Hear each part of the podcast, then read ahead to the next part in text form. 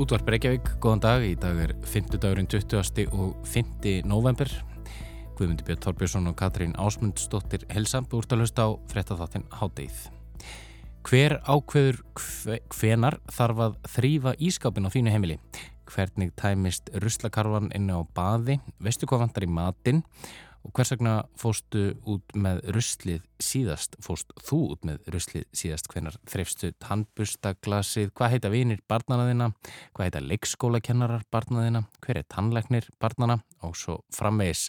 Þessar spurningar eru allar áleitnar við ræðum við Huldu Jónsdóttur Tölges, sálfræðing í setnilhuta vaktarins þáttarins afsakið um þriðju vaktina þá ólaunuðu ábyrð hugrænu vinnu yfir um sjón og verkstýringu sem fælst í heimilis og fjölskyldahaldi í því að fá allt til að ganga upp og hverjir sinna henni í síðar hluta þáttarins.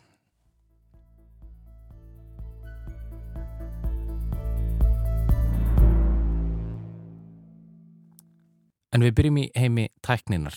Stærstu tæknifyrirtæki heims sem að önsku er einfallega kvölduð Big Tech hafa vaksið gríðarlega síðustu ár. Þessi reysa fyrirtæki eru mörg hver ráðandi, ja, í ráðandi stöðu á markaðnum kaupa minni fyrirtæki og stækka og stækka og spurningar sem lútað sangjarni samkeppni hafa vorðið fleiri og fleiri meðal að ráðamanna viða um heim síðustu ár. En þeir vald þessara reysafyrirtækja mikið og vöxtur þeirra verið svo mikill á svo stuttum tíma að lögjafinn hefur ekki alltaf geta brúðist við. Í sumar skrifaði Joe Biden bandrækjafórseti undir tilskipun sem ætlaði að veita þessum risafyrirtækjum aukið aðhald og koma í veg fyrir að þau nái einokunarstöðu á markanum. Í júli samþektu svo fjármálar á þeirrar sjöstæstu yðinríkja heims að leggja 15% lámarks tekjuskatt á tekjur alþjóðleira fyrirtækja ákvörðun sem ætlaði að koma í veg fyrir að risafyrirtæki eins og Facebook og Google til dæmis geti halaðin auðlýsingatekjum út um allan heim án þess að greiða því skatt í viðkomandi landi eins og til dæmis á Íslandi. En hver eru þessi stærstu fyrirtæki í tæknibransunum? Þessi reysa fyrirtæki Big Tech sem hafa vaksið svo rosalega síðustu árum að mörgum þykir nóg um. Kristjana Björk Bardal, tækni sérfræðingur Hátteisins er mætt til okkar til að svara því. Velkomin Kristjana. Takk fyrir það. Hvað segir þú? Hvaða fyrirtæki eru að tala um hérna? Sko, við erum með Samsung, Facebook eða Meta eins og þau voru að breyta nafninu, Amazon, Alphabet sem er Google, hérna Microsoft og Apple trónir hérna á toppinum sem stærsta fyrirtæki sem er metið á hvað 312 biljónir íslenskra króna. Þetta eru rosalegar tölur sko.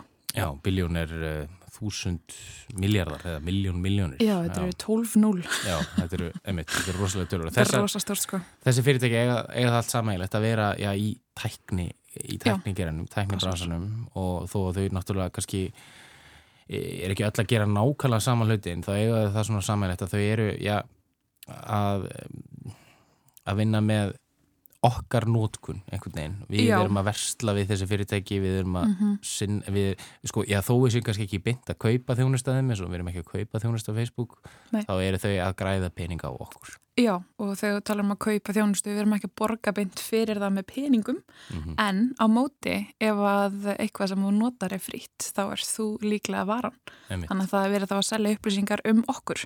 Og hvað, hvað verður til þess að þessi tæknifyrirtæki, þau stækka svona rosalega mikið á svona skömmin tíma? Sko þeirra stefna er kannski öðruvísi með við önnur fyrirtæki. Þau eru mikið að sækja sér uh, hæfileika og eru mikið að pæla í því og eru þá verið svona fólk sem er að veiða inn mikla hæfileika inn. Þau eru mikið líka í því að... Um, Erstu að tala um starfsfólk? Ég tala um starfsfólk, já. já. Mm -hmm.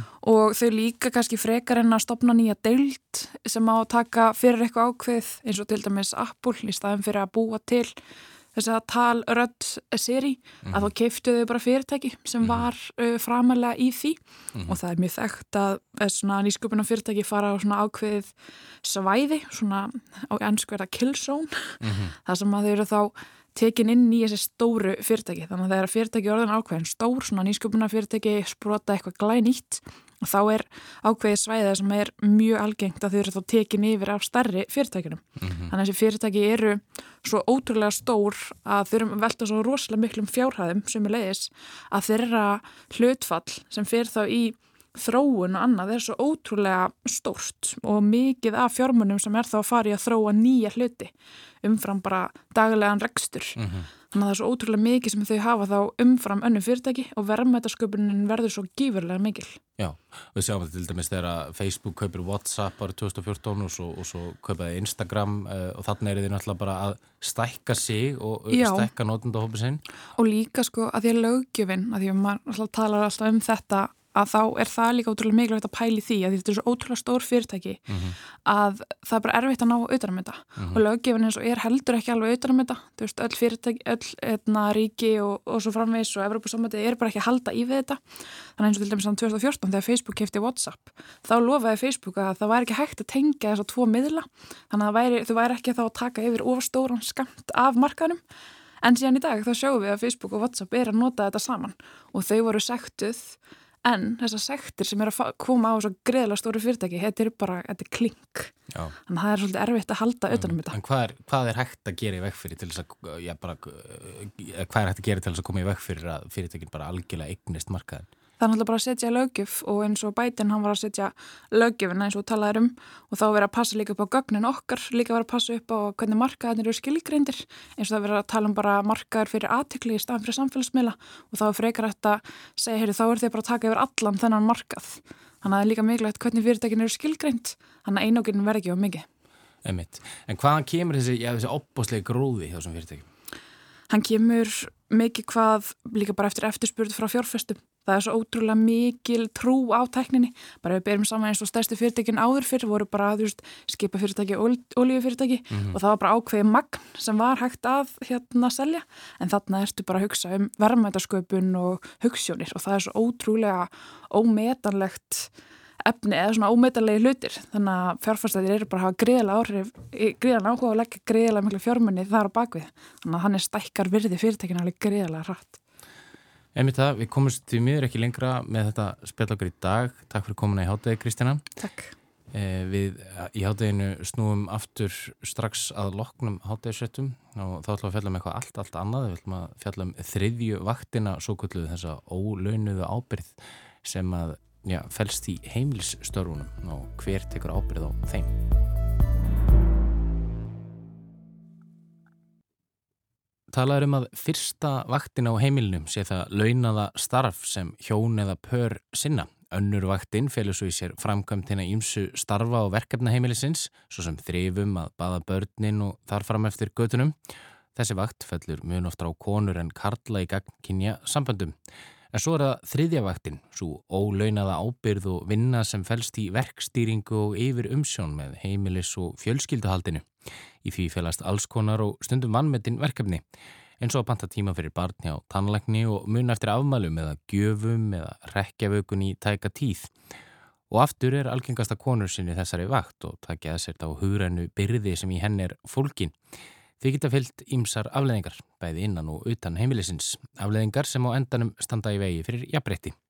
Hulda Jónsdóttir Tölgis, sálfræðingur, ræðir nú við Katrínu um þriðju vaktina og þær byrja á stóru spurningunni af hverju, þar að segja, hvers vegna fellur byrðin meira á annað kyniðin hitt í gagkinja samböndum kannski til að byrja með þá hafa rannsóknir mest verið að skoða þetta út frá gagkinja samböndum, kona-karl samböndum og mér finnst alltaf mikilvægt í þessar umræðu að, að nefna að það er fleiri kín og við viljum ekki einhvern veginn útiloka fólk frá umræðinni og auðvitað getur þetta verið líki í, í, í hins eginn samböndum, samkynja samböndum.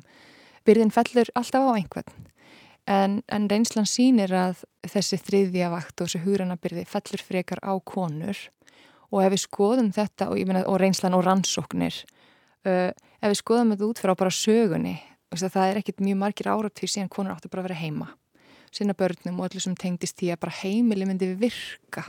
En svo fóru konur meira að læra út af vinnumarkaðin en þessi byrði heima og þessi vakt heima hún, það tók enginn eitthvað við henni. Hún var áfram þarna og konur eðlilega hafa haldið áfram að stíga inn í þessa ábyrð og bætt henni í rauninni bara á sig til viðbútar við launastarf eða nám eða það sem þær eru að sinna. Hversu umfangsmikið er þetta? Ég meina, er þetta ekki bara eitthvað sem að, þú veist, tekur þetta eitthvað á? Mm -hmm. Einmitt. Ég, ég var með sér að hugsa þetta bara í gerðkvöldi sko að þetta er svona eins og hérna, þú fær ósláð lítið fyrir eina krónu en ef þú komið með 10.000 eina krónur þá getur þú keitt eitthvað, skilur. Ein króna er ekkert droslega mikið. Þú veist, eitt, það, það bara muna eða fatta hvenar þarf að klippa neklinar á barni eða fatta, heyrðu það þarf að þú hárið á barninu eða breyta þessum læknatíma. Þú veist, eitt og sér er þetta verkefni ekkert mjög stórt en þegar það koma kannski bara hundrað svona verkefni saman þá getur þetta orðið svo yfirþyrmandi bara fyrir heilan okkar, við erum muna að muna svo margt og svo eru konur auðvitað bara að vinna nánast til japs við karla á því sem við kalla fyrstavatni sem er bara launað starf utan heimilis þannig að þetta bætist ofan á það og það sem ég sé bara í mínu starfi sem sálfræðingur eru þetta konur eru bara oft ótrúlega þreyttar og búnar á því Hvað er í húfi? Ef þú ert ekki að sinna þriðuvaktinni eða ef þú gleymir að klippa barninu, ef þú gleymir þessi og hinn á ammali? Ég til dæmis held að ef að konur fara í svona það sem við getum kallað verkvall heima að þá halda hjólinn ekki áfram að snúast eins og þau þurfa að snúast, þá missir einhver af læknum tíma, þá kemur meira vesen, þá þarf að bóka, finna nýjan tíma, þá er henni eikst byrðin og bætist bara við hana, hún hættir aldrei. Og eins og þetta, gleyma að klippa neklur á barninu, uh, ég veit ekki, óþægindi fyrir barnið, jafnvel sko koma póstar frá leikskóla, heyri það er einna njálgur að ganga, allir fóreldrar verða mun eftir að klípa neglur og þá bara kemur líka skömmin hjá fóreldrunum, bara hér er ekki að standa mig, þannig að það hefur afleggingar einmitt að sinna ekki þessum þriðivaktarverkefnum uh, og ég man svo ótrúlega skýrtum dæmi frá lífunu okkar, mannsins meins, við vorum út í útlöndum með fjölskyldinu minni og hérna ég náttúrulega sem, sem konan í þessu sambandi og hjónabandi hefur tekið þessa þriðvakt að langmestu leiti og ég þurfti að fara fyrr heim til þess að sinna einhverju vinnu. Og hann var sérst áfram með strákin okkar þá og hérna daginn eftir ég fór heim átti sérst að uh, föðsýstu mín afmali og ég hugsaði bara ég er bara að fara til Íslands, ég er bara að fara að vinna þú veist, tjekkum hvað gerist. Og maður minn ringir í mig því ég komin heim þannig eftir bara oh my god frængaðinu ammali, þú veist, við vorum að gista hjá þeim og þau voru okkar gestkjafar, okkar fjölskylda okkar nánasta fjölskylda þannig sko. Og bara ég er ekkert búin að greiða ammalskjö ég bara, nei, einmitt.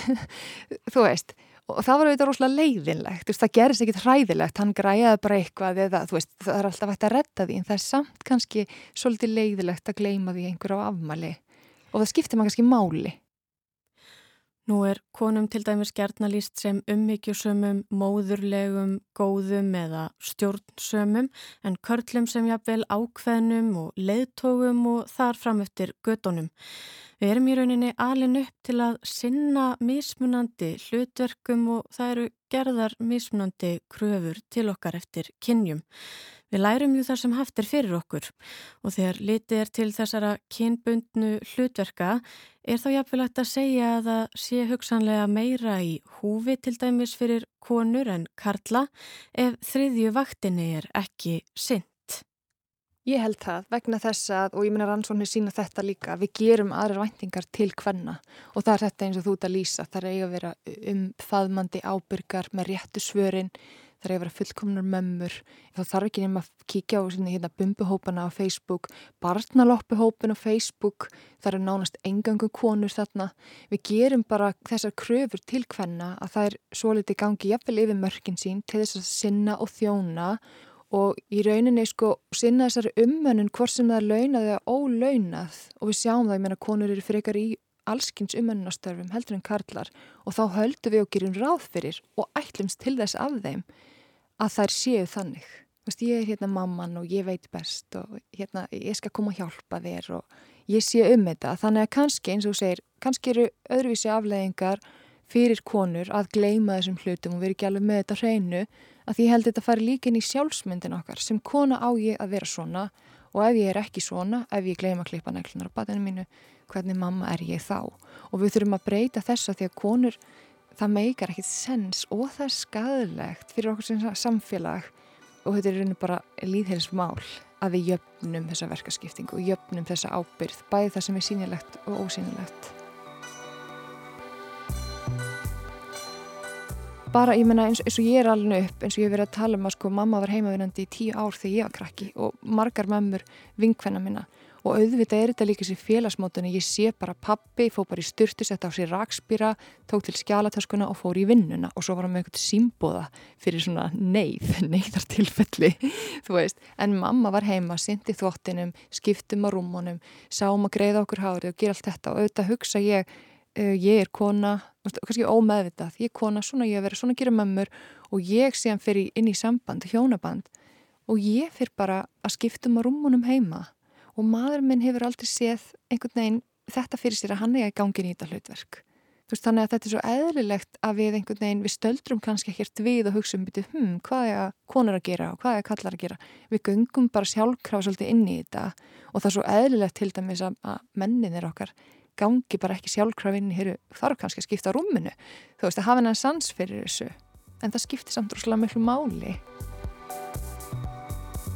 En um, hverra vandamál er þetta? Veist, hver er ábyrg hvers og eins? Að því að ef að konur eru svona mikið að stíga inn í þetta hlutverk að taka þrýðvæktina, er þetta þá ekki rauninni bara þeirra val að þú veist hætta því eða vera dugleiri að hætta að stíga inn í ábyrgin að hætta sinna þrýðvæktinni?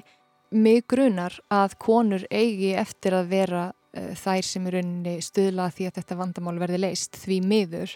En ég tala um þetta samt þannig að karlar þurfa að láta sig þetta varða. Þeir þurfa að stíga inn í þriðivaktina og skoða sig aðeins um þar hvað er að gerast hér. Og við byrjum að því að þetta tala um þetta, setja nafna á þetta, lýsa því hvað fælst í þriðivaktinu til dæmis á okkar heimilum, allt þetta ósynilega og konur sko hafa reynd að gera alls konar, vera næs, segja þú veist, nenni hjálp með þvottin vera pyrrar, bara þú verður nú að gera eitthvað. Fara í verkvall, bara hætta þú þvottin og hvað gerist? Það er svo eðlert að maðurinn stýi ekki sjálfkraf einu á þriðjóttinu, bara hei það er fylgt að þvotti, ég þarf nú að gera þetta, þú veist og það er svo ósangjart í rauninni að við bætum þessu verkefni ofan á konur að þær þurfi einhvern veginn að bæta þessu á þriðjuvaktar listansinn að leysa þetta vandamál líka. Að ég myndi miklu freka velja að sjá Karl stíginn skoða til dæmis gólfin heima hjá sér þarf að riksuga, lítur út fyrir að það þurfi að riksuga fyrr en konas byður hann um að riksuga, heyrðu, nenni að riksuga já, ekkert mál, konar sér eftir, já, hann tekur alltaf rosalega vel í því byðin að gera hluti. Og ég bara þú ert ekki þurfa að beða henni að gera hluti þú veist, af því þá ertu verkstjórn þá ertu stjórin og ég er allavega þar, ég er búin að vera að reyna að segja því upphægt og rólega að vera stjórin heima hjá mér, af því að ég líka bara í vinnu, þú veist, ég vil að séu tveir stjórar Já, að byrðin mingi um 50% eitthvað neinn. Algjörlega En hvaða máli skiptir þetta? Hefur þetta afleggingar? Jável afleggingar sem að tegja sig út fyrir veggi heimilisins bæði sínur rannsóknir og reynsla það að aflenganar eru þetta ótrúlega mikil streyta og oft vanlegan eins og debur, kvíði og einmannaleiki og jáfnvel bara kulnun. Og kulnun er ekkit bara vegna álags í starfi, heldur líka alls sem er heima og alls utanum alls. Aflengarnir eru líka það pör eiga í erfileikum með eiga samskipti, ná ekki að í rauninni leysa úr deilum um þessa hluti, rýfast, jáfnvel skilja, hætta saman konur lýsa því oft bara líka þeim finnst það oft vera einmanna og það veginn, það sé ekki heyrðar og séðar, það sér enginn og kann ekki að meta hvað ég er að gera. Uh, og nú veit ég ekki, ég get ekki sagt að það sé vegna þessa en konur eru í, í, í meiri hluta þeirra sem fara í endurhæfingu hjá virk til dæmis og hefur verið þannig sístu tíu árin og það er einhver ástæða þar að baki. Konur eru ekki með verð hannað tögkerfi en karlar. Það er alls ekki þannig og hérna, ég held að sé mist fleiri streytuvalda í sínu lífi Einn löflétt í lokin. Já. Hver er lausnin? Einmitt. Ég vildi óska að vera töfralausn. Mér langar að fara þangað núna til að byrja með að bara skoðum þetta, tölum um þetta, höldum þessu á lofti og tölum um það við maka okkar eða fólki kringum okkur hvað er á okkar vöktum, þú veist, hvað fælst í annara vaktinu, hvað fælst í þriði vaktinu. Ég vil samt beina því til Karla að láta sig þetta varða. Bara við verðum allavega að byrja á að tala um þetta setja fingurinn á hvað þetta er byrjum þar